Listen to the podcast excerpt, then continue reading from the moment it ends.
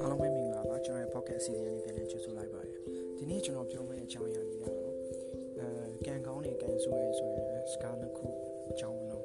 လူတွေကတော်တော်များများတစ်ခုအဆင်မပြေလို့ရှိရင်ကံဆိုးရဲလို့ပြောကြတယ်ကံကောင်းနေဆိုတော့ထိပေါက်လာလို့ပေါ့လို့เนาะအဲ့လိုမျိုးလေးဆိုကံကောင်းနေလို့ပြောကြတယ်ကောင်းနေရတယ်တကယ်တော့အလုပ်ဆိုတာကံ ကံဆိုတာအလုပ်ပဲလေနော်တကယ်လို့ဘာမှမလုပ်ဘူးဆိုလို့ရှိရင်လူတယောက်က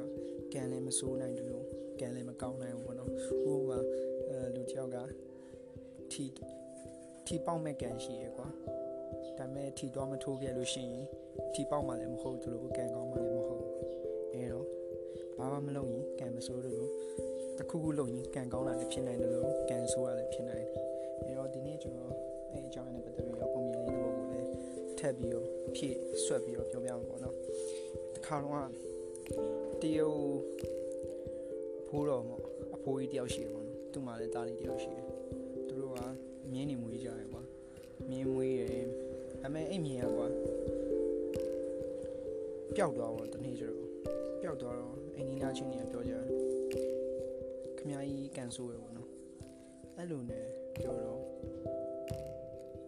ဖိုးတယောက်ဖိုးကြီးက ခမရပါကြောင့်ကန်ဆိုးရယ်လို့ပြောနိုင်ရလဲဆိုတော့ပြောခဲ့ကြတော့အိမ်နီးနားချင်းတွေကသူ့ကိုခွာစာကြီးလို့နာမည်ပေးလိုက်ပေါ့နော်အဲ့နဲ့ဘာမှဆက်မပြောကြတော့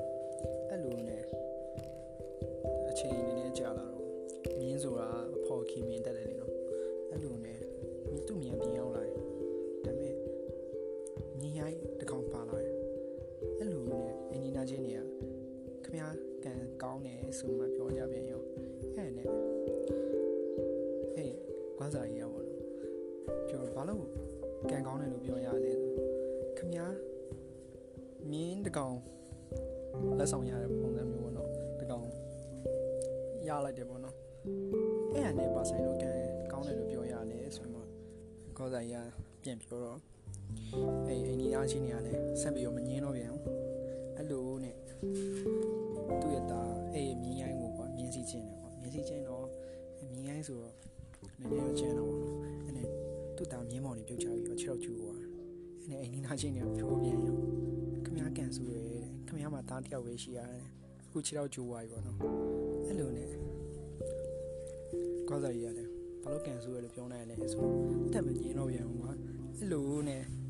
အဲပြည်နယ်ချင်းချင်းစစ်ဖြစ်ကြပါတော့အဲ့ခင်မှာစစ်ဖြစ်ကြတော့မျိုးတန်မာတဲ့လူငယ်ကြီးတို့တော်တော်များများကို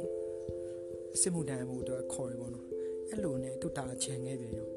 စစ်မှုမထမ်းရပါတော့အဲ့နဲ့အင်းကြီးငါချင်းတွေကခမရကန်ကောင်းနေဆိုတော့တက်ပြောပြန်ရော